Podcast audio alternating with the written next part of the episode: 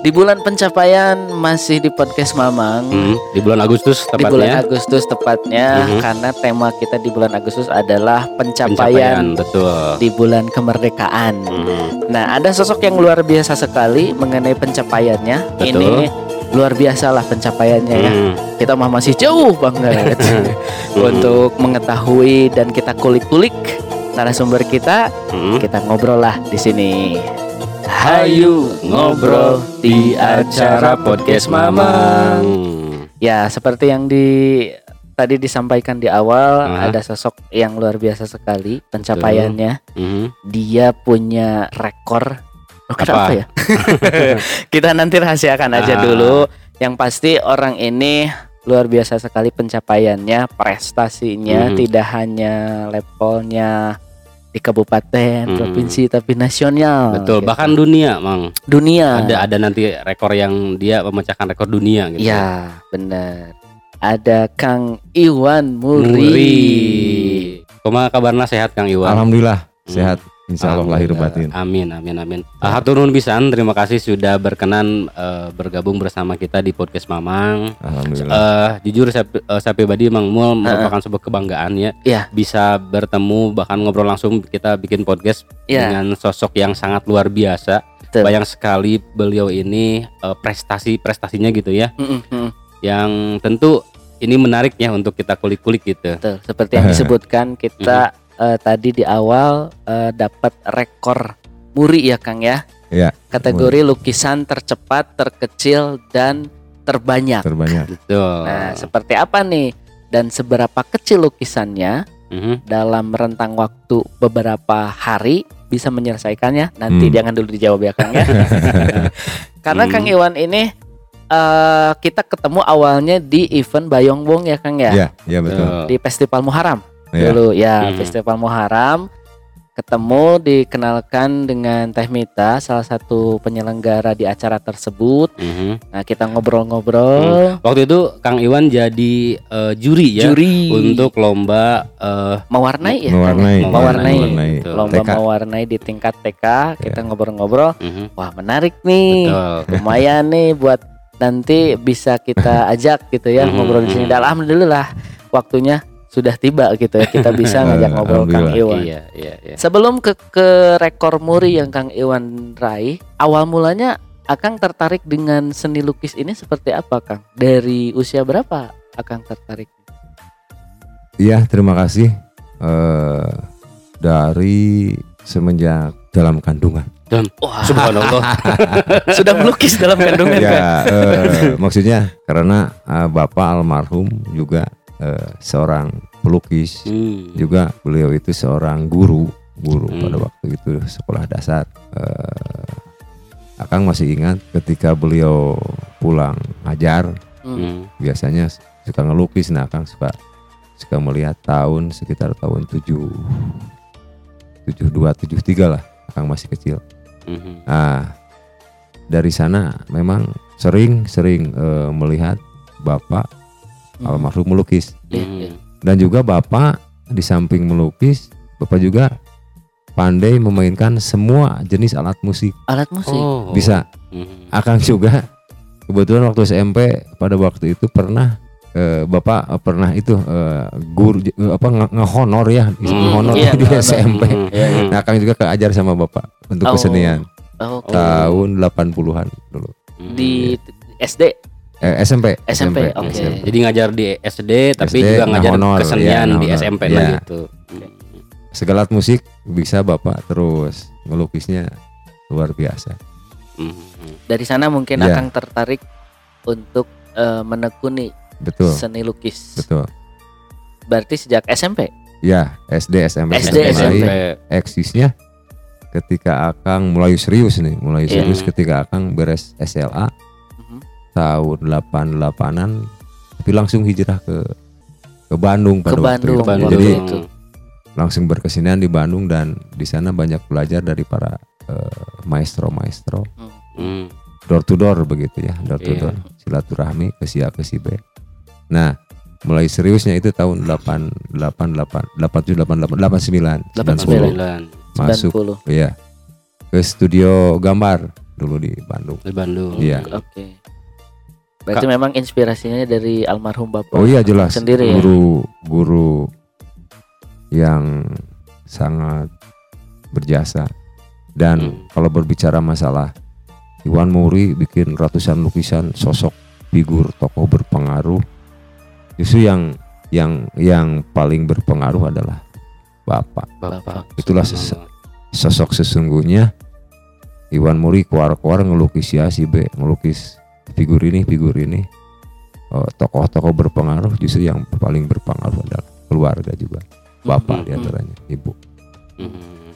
Waktu itu Kang eh, diajarkan langsung minta diajarkan ke almarhum bapaknya atau Akang karena mungkin sering sering ngelihat bapaknya itu ngelukis akhirnya coba-coba sendiri atau memang ada di guide atau diarahkan gitu gimana? Iya, iya. eh, saking seringnya melihat beliau melukis, Mhm. akhirnya akan mencoba Hmm. mencoba untuk sendiri melukis gitu dan ya akhirnya diarahin juga, diarahin Oke. di diberi teknik, Hmm. teknik eh, apa dari sisi pewarnaan, komposisi warna dan lain sebagainya. Hmm. Mhm.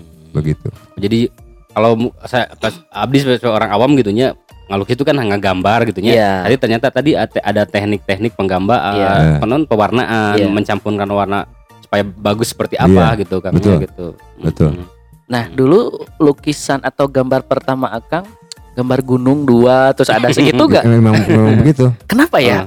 Eh, Saya juga gitu. Alam, hampir semua Iya. Mhm. anak-anak begitu karena memang ya eh, eh, yang paling melekat di di benak kita pasti ya ya alam, Iya, alam, alam, iya. ya, alam. naturalis kalau kalau bahasa eh, seninya aliran naturalis. Oh, Iya. Oke. Pasti gambarnya tuh gunung dua di tengah-tengah ada itu ay- Matahari. ayat matahari terus di pinggirnya dua ada tangkal kelapa yang Iya, melengkung gitu. Iya, Sawah. iya, terus pinggir-pinggirnya sawah. Kenapa Sama. ya? Sama Berarti sama, itu. saya juga sama Iya. ya. mhm. Imajinasi memang ketika kecil ya pasti ke ke alam biasanya. Hmm. alam. Mm-mm. Apalagi mungkin kalau dulu kan sebelum seramai sekarang apalagi di Oke. kota gitu kan ya. Iya. Mungkin karena kita sehari-hari ngelihat pemandangan alam, ada gunungnya, ada sawah atau lain sebagainya. Jadi itu mungkin yang Iya, pertama kali betul, nempel betul. gitu. Betul. Diterjemahkan melalui gambar seperti Hmm. itu. Hmm. Berarti gak ada salahnya mungkin ya mung- eh, anak TK atau anak SD sekarang kalau gambarnya itu atau sudah beda Kang zaman sekarang. Eh, beda juga ya. Beda. Eh ter terpengaruh juga eh, teknologi mungkin, Mhm. Oh iya benar. gadget dan lain sebagainya.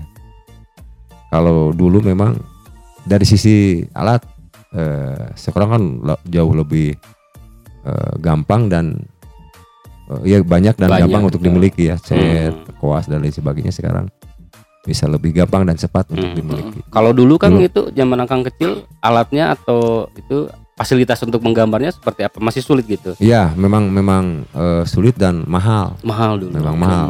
Sekarang juga memang kalau harganya ya lumayan untuk untuk Hmm. alat-alat lukis memang lumayan. Nah, dulu mah memang eh, apa? Ya ya itu agak-agak agak susah untuk mendapatkan. Hmm. Apalagi di Garut. Di Garut kan Mhm. sekarang juga Akang eh, ngelukis kanvas ya dipasok dari Bandung. Oh dari Bandung dari. Bandung. Ka- Hmm. Kalau kanvas eh, udah jadi Oke. dari Bandung dipasok. Karena di memang Garut. di Garut Tidak ada susah. Gak Tidak Tidak ada ada, tidak jebakan ada. gitu. Mhm. dari Bandung. Oke Hmm. oke. Tadi kembali gambar yang pertama kali Akang buat gitu atau lukisan yang Akang buat mungkin masih ingat dulu memorian ke eh, masa lalu gitu Ya, kan flashback nih. waktu kecil atau mungkin mulai-mulai serius gitu dulu ngegambar apa mungkin masih ingat Iya iya. Kalau alam pasti sering paling Ah, sering, sering. gitu kalau Hmm. alam. Yang paling eh, dianggap serius figur. Figur Oke. Hmm. Figur. Tokoh ya? Iya tokoh tokoh. Hmm. Gambar gambar eh, potret lukisan Hmm. potret. Hmm. Yang pertama kali di kanvas. Terus ya seseringnya ya antara antara figur eh, alam Mhm. Oke. pada waktu itu. Mhm. Terus biasanya kalau para pelukis kalau misalnya saya contohkan penyanyi gitu kan ada yang genrenya ke pop, ke dangdut dan sebagainya. Nah, kalau untuk pelukis sendiri kan itu apa eh, mereka juga punya genre atau apa ya khas gitu tadi Hmm. ada ke alam atau seperti Iya. apa itu untuk pelukis?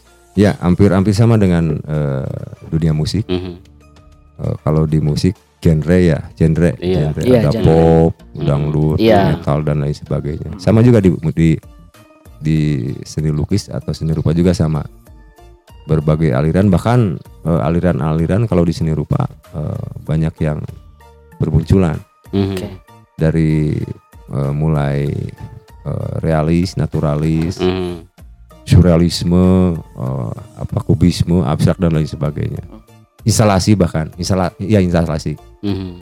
Banyak eh, apa aliran-aliran di seni rupa Mhm. sangat banyak sekali. Mhm. Mhm. Kalau Akang sendiri lebih Lebih ke mana? ke mana? Ah, itu arahnya. Eh karena maaf ya sekarang kan profesional mungkin Hmm. Mhm. harus segera bisa sebetulnya. Mhm. Tapi lebih cenderung memang akan belajar dari realis dan Realis. naturalis. Jadi Ah, bentuk-bentuk eh, nyata ya Mm-mm. itu dasar dasarnya itu. Mhm. Eh, tapi ya dituntut karena profesi mungkin harus eh, segala genre, Iya. segala Mhm. aliran harus bisa. Iya. Kaligrafi juga suka bikin apa? Oh suka bikin Kaligrafi. Mhm, luar biasa. Mungkin kebutuhan pasar juga mungkin ya kayaknya. Bet- betul. Ya berbicara masalah pasar kan Mhm. eh, ada yang disodorkan, ada yang dimintakan gitu. Iya, Hmm. iya. Pak lukiskan anu, Iya. kira aku tuh nurut. Iya, Doraka. Supply and demand-nya lah Ah, jalan ah, gitu lah. Bahasa keren nama seperti itu. Nah, Akang di tahun 90-an mulai serius, mulai memang terus menekuni.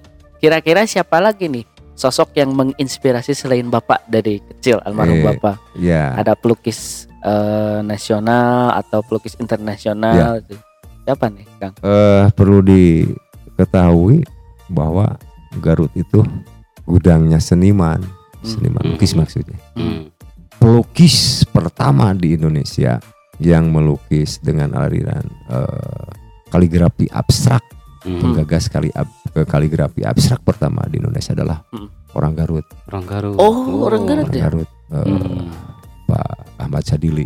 Mhm. Oke. Beliau itu orang Garut, itu asli asli Garut Mhm. yang melukis eh, masjid apa di TBT Ganesa. Ganesa. itu Hmm. yang Oke.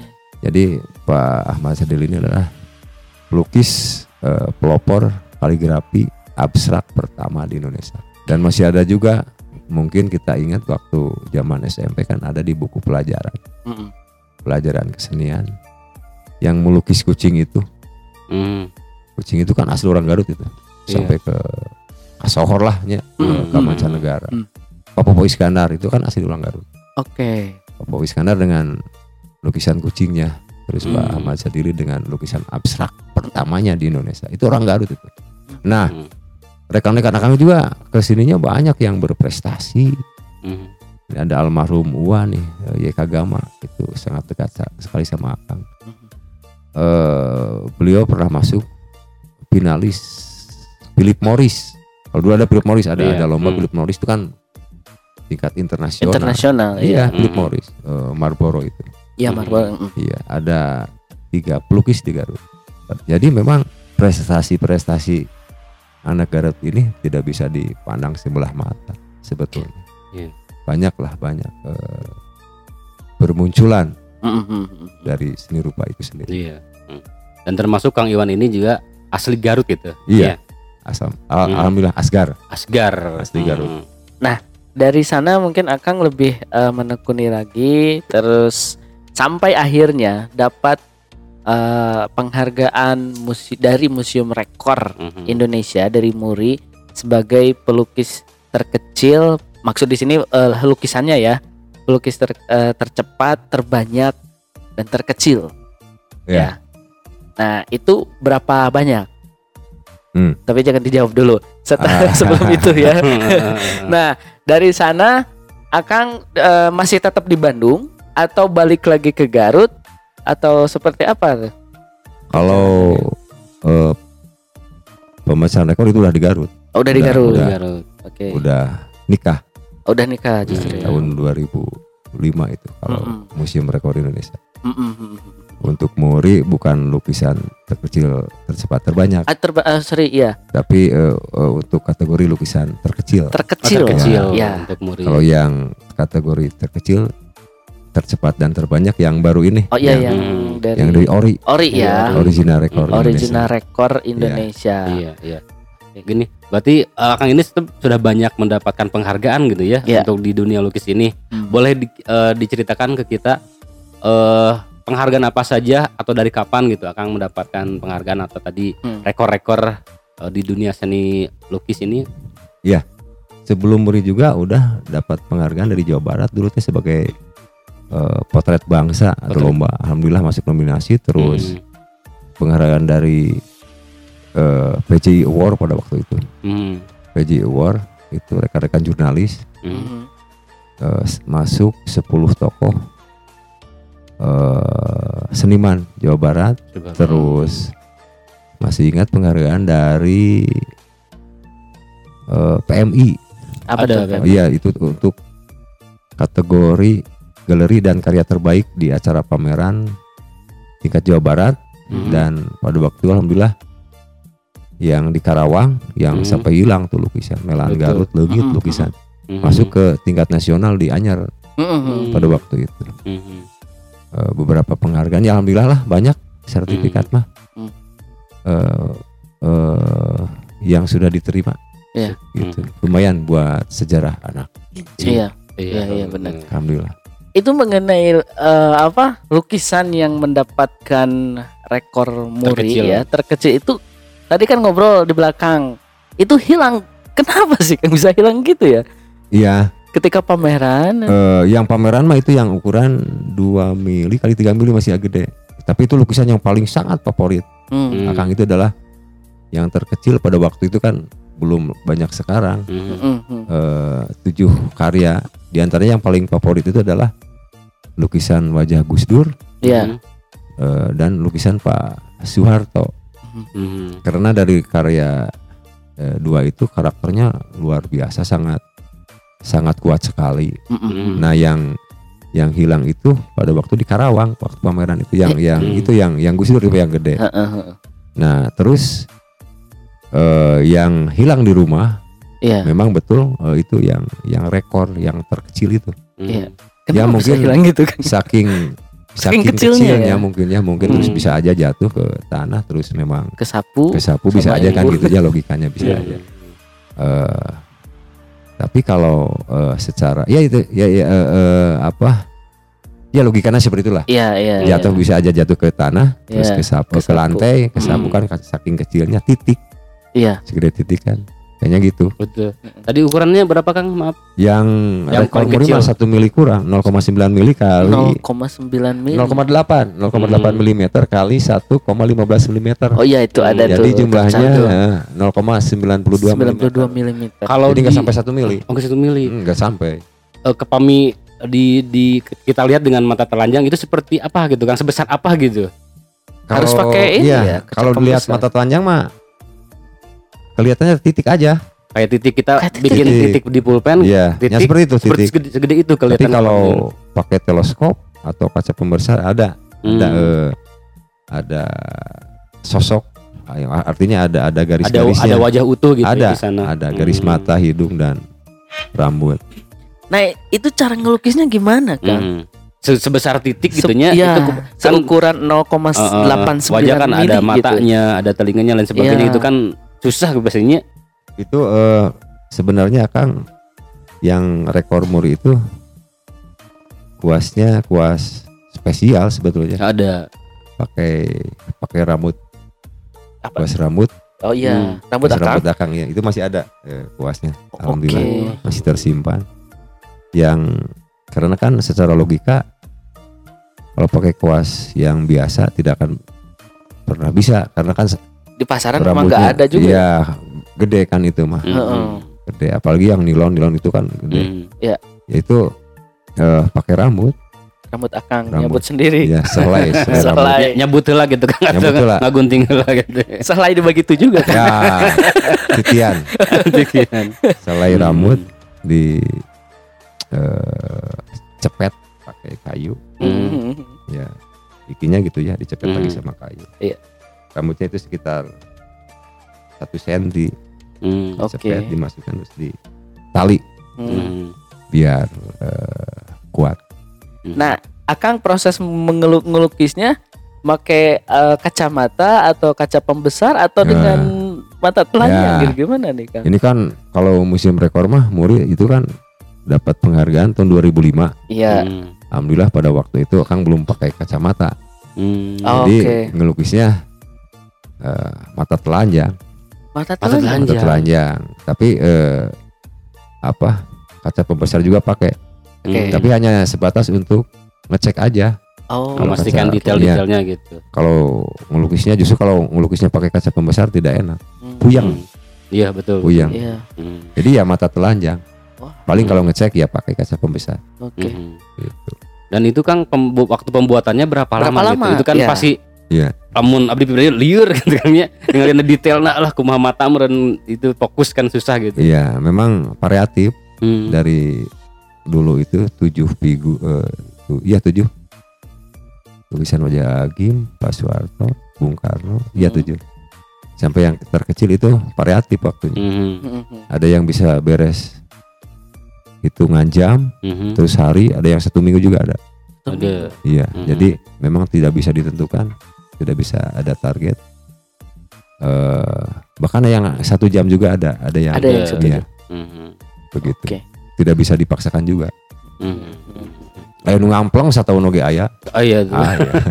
Oh. Malas we seni mana itu. Mhm. Nah untuk yang ini yang terkecil ini ini Ya, satu lukisan muri. atau ya yang muri yang museum rekor. Heeh.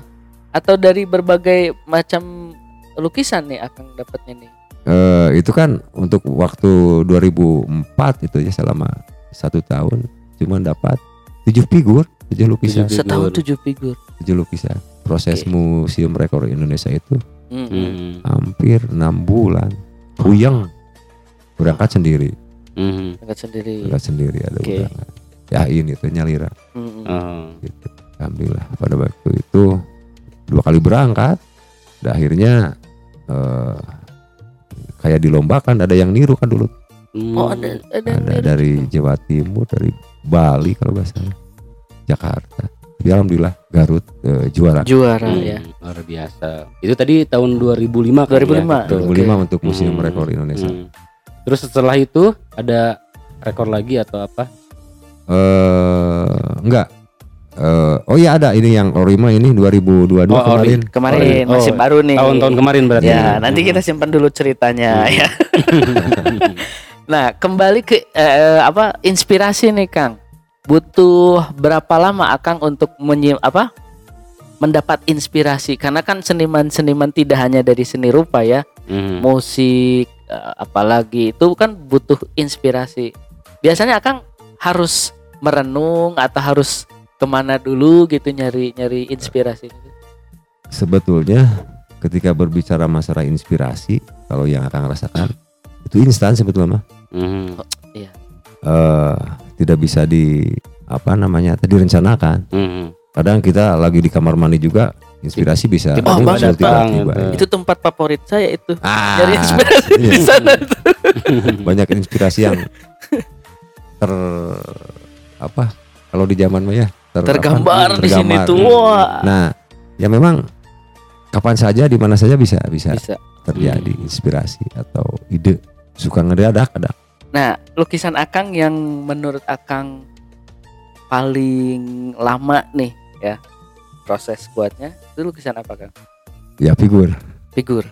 Satu figur butuh berapa lama eh dulu itu yang yang dikoleksi sama itu tuh DKG tuh. Hmm. Oh, lama iya. tuh lumayan yang eh, lukisan figur yang lima figur itu itu di antaranya terus ada yang ngamplong juga ada yang gede-gede yang skala normal Hmm. ada sampai bulanan banyak kalau apalagi pemandangan Hmm. Kang juga kan suka negara pemandangan Iya. itu memang durasi waktunya kalau pemandangan ya lumayan lumayan lama Hmm. Hmm. tapi ulah tuh tahunan teuing mah karunya orang dapur Iya. Udah cepet Kangnya. Iya, Udah saya cair oke Nah, gitu. Nah dari sana Akang mulai eh, mengkomersilkan eh, terus pasar Akang ke mana aja nih pasarnya? eh, berbicara komersil pasar ya Hmm. bisa pasar Iya. Eh, dari sekian karya dari sekian tahun akang berkesenian ya alhamdulillah sampai saat ini dari tahun pulang dari Bandung 97 nikah 95 Krismon nikah.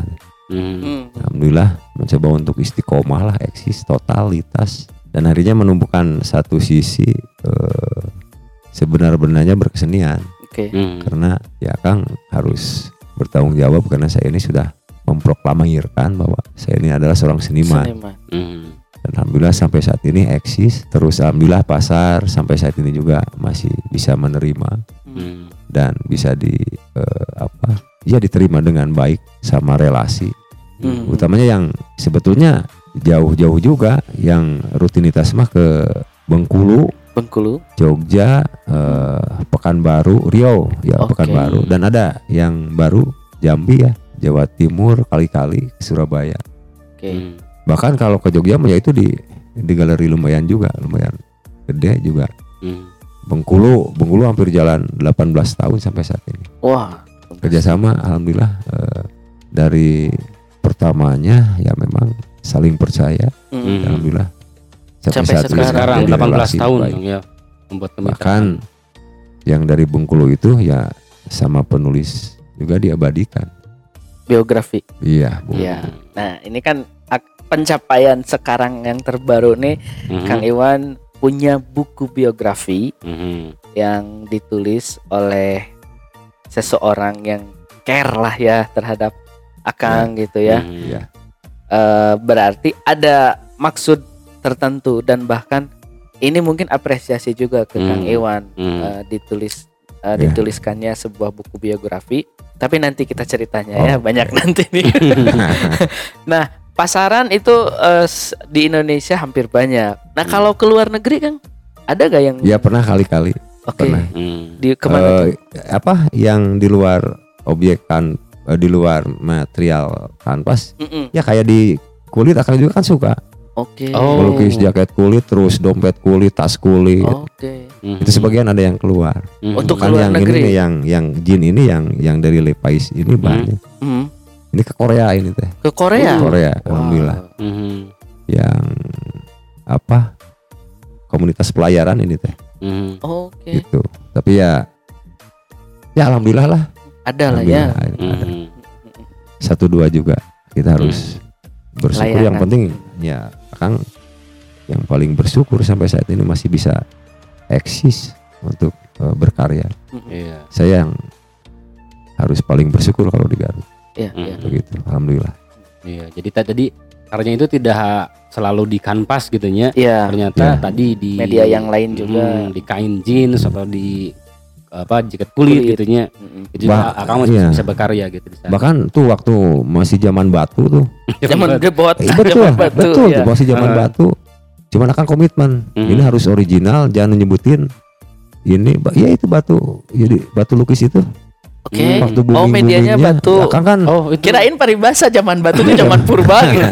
Ternyata oh medianya Zaman batu. Garut lagi booming Iya. Akang kan itu Akang juga suka dipinta bahkan jadi juri nasional pada waktu itu untuk di Oh. kelas gambar tapi kan batu kan Hmm. ada batu polos ya polosan Iya. terus eh, batu pancawarna Pancawarna. nah, Akang di kelas gambar Akang sampai Nah, itu gimana Kang ininya ngegambar atau dilihat? prosesnya sama kayak melukis di kanvas Mhm. nah terus memang ada pasar juga pada waktu itu Oh, ada. Cuman Akang komitmen sama yang pesannya ini jangan disebutkan batu asli Hmm. Hmm. tapi ini batu batu gambar yang memang digambar dilukis Oke. Hmm. itu akan nerima tapi kalau ketika yang pesannya itu kan hampir mirip dengan batu yang asli Oke. Ternyata akan punya teknik dan punya material untuk dituangkan Mhm. dalam batu tersebut Iya, artinya catnya cat dong, khusus ya. gitu Iya, iya. nah hasilnya itu mirip dengan batu Mirip. yang asli Tidak terlihat lukisannya enggak Kang, ya? enggak tapi akan tetap Oh. konsu- ke komitmen kalau ya, kepada yang pesan Hmm. Heeh, nggak bisa ngebohong Oke. Iya. Mhm. ini memang batu gambar tapi digambar atau dilukis Dilukis. Mhm. begitu Terkecuali batu ginjal mungkin ya, gak Batu bisa ginjal dilukis. itu, waduh, ribet gitu. dirawat kayak Dirawat. Oh, ramai juga jadi, Hmm. karena kan memang Oh, ada itu ya. beberapa kali dipinta untuk jadi juri juga. Hmm. lomba-lomba eh, batu tapi di kelas gambar Hmm, kelas pancawarna Oke. jadi ya eksplorasi ya kita material tidak terbatas kalau Mm-mm. kalau eh, mau berkarya ya jangan terpaku sama kanvas aja Hmm, Iya, kalau emang gitu. udah kuat ya darah seninya itu di Di- media apa pun juga bisa gitu Kang Hmm, Iwan bisa. itu. Hmm. bahkan dalam rencana dekat ini insya Allah dalam ini kuku. Cukup. Kan ada Kang itu apa sih namanya tuh nails painting kalau nggak salah. oh, Hmm. iya Apa bedanya dengan itu Kang? eh, Nanti kalau- rencananya Kang gimana? Ngelukis di kuku misalkan, ya ya ini kuku yang apa ini teh Kelingking. teh. Kelingking. Cingir, Kelingking. Kelingking ya. ya. bukan cungur ini nah ini di sini mungkin ini skalanya Jadi siapa yang nanti yang paling di jari yang paling kecil gitu kan Iya. maksudnya. Hmm. Oke. yang paling kecil ini Mm-mm. sana. Hmm. mau bikin sosok figur yang edan lah jangan tanggungnya Hmm. Siapa tuh? Rame. Figur Nah, rahasia nanti Oh, rahasia. Oke. Tunggunya. rame. Oh iya, Oke. disebutin nanti. sekarang. Oke. Insya Allah dalam waktu dekat di sini nih Kuku Akang sendiri itu. betul Oke. Insya Allah Hmm. Berarti khusus dong ininya ya, eh, catnya juga Iya, khusus. iya. Hmm. Terus kuasnya pakai rambut Akang lagi. Eh, iya ya pasti Oh, oh, pasti Itu, Pasti. itu teh kojonya Kang ya. Kojo Bisa dikojo. lagi ini kan Mengalahkan kuas-kuas yang lain gitu nya. Kuku akang kan Hmm. memang kecil Hmm. satu senti kurang Mm-mm. Kali. Dalam waktu dekat ini ya. ya Insya Allah dalam Oke. waktu dekat. kita, Kita tunggu, tunggu. hasil Oke. Insya Allah, insya Allah kita Penasaran berkabar. pasti. Mm-mm. Nah, lanjut ke karya Akang yang sudah banyak mungkin lah ya Kang. Kalau dihitung udah gak kehitung lagi Kang. enggak lah Enggak. banyak Hmm. banyak khususnya yang yang yang yang lukisan kalau bahasa Sunda mau bahasa ajan lah Hmm. lukisan-lukisan yang ke pasar Hmm. pasar umum ke galeri, galeri. Oke. alhamdulillah Nah, biasanya permintaan dari pasar paling banyak lukisan apa? Eh variatif memang sebetulnya mah Hmm. variatif berbagai Genre. genre berbagai aliran Hmm. tapi yang seringnya ya yang ya sering. yang realis realis itu yang naturalis, naturalis Hmm. Oke. kadang-kadang abstrak juga ada kaligrafi Hmm. kayak ke Bengkulu itu dari dulu sampai sekarang ya itu objeknya pasti bunga Bunga, Bunga. ya. Oke. bunga kadang eh, potret lukisan potret Hmm. gitu kebanyakannya Kalau Ya. Akang sendiri lebih suka genre lukisan apa ya? Nat- Naturalis, abstrak atau Iya. apa nih Akang? kalau Suka? basic mah Kang ya memang realis Oh, realis. realis kalau Hmm. menurut Akang menurut Akang kalau kita sudah memahami dan eh, bisa dalam eh, aliran realis kalau menurut Akang Hmm. itu berbagai aliran insya Allah Oh, Pasti bisa. Justru gitu ya. iya Hmm. kalau eh, sekolah makan realis naturalis itu kelas nol kecil nol besar kan itu kelas Mm, satu mm, mm, itu dasar Dasar ya. Hmm. dasar dari bentuk-bentuk yang nyata nah kalau sekarang ya kalau kalau idealnya makan memang di di realis figur Mm-mm. Hmm. lukisan potret tapi kan eh, ada ada eh, pangsa pasar teh tadi Iya. yang Iya. Balik lagi yang ke sana. iya yang meminta eh, objek ya seringnya ya realis Realis. Hmm. Ngomongin karya, eh ini yang eh, kita akan bahas adalah di 2002 kemarin akan mendapat original rekor Indonesia Hmm. sebagai pelukis terbanyak, terkecil dan tercepat. Hmm. Berapa banyak lukisan yang akan buat? Terus dalam rentang waktu berapa lama? Dan yang terkecil apakah seukuran yang rekor sebelumnya 0,89 mili atau Oh, iya. seperti apa? Silakan diceritakan Kang. untuk rekor terbaru ya kemarin ya Hmm. original rekor itu 2022 Agustus tepatnya bulan ini Hmm. Hmm. Berarti sudah setahun ya? Setahun, Setahun ya udah setahun ya tahun Hmm. kemarin benar. untuk kategori ya alhamdulillah tiga rekor Hmm. terkecil tercepat dan terbanyak Mm-mm. bahkan tercepat juga sebetulnya dari ada dua kategori lukisan wajah dan juga bunga dari Hmm. original rekor Oke. Hmm. lukisan bunga ukuran diam ukuran 60 80 durasi 3 menit koma sekian Tiga menit saja Kang itu. ya ukuran Hmm. 60 80 terus yang tercepat di sini ya 40 hari itu 40 hari yang Hmm. 100 karya 100 karya. pada waktu itu target kan original rekor Indonesia 100 lukisan tokoh Hmm.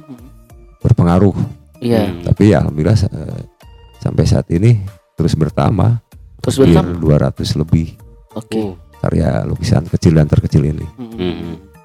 Jadi eh, untuk lukisan yang terbesar saat ini adalah lukisan kecil dan terbesar saat ini Mm-mm.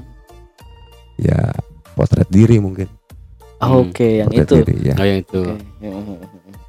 Soalnya ini kalau dilihat dari kategorinya kan lukisan wajah ya, lukisan wajah Hmm. terkecil, terbanyak dan tercepat.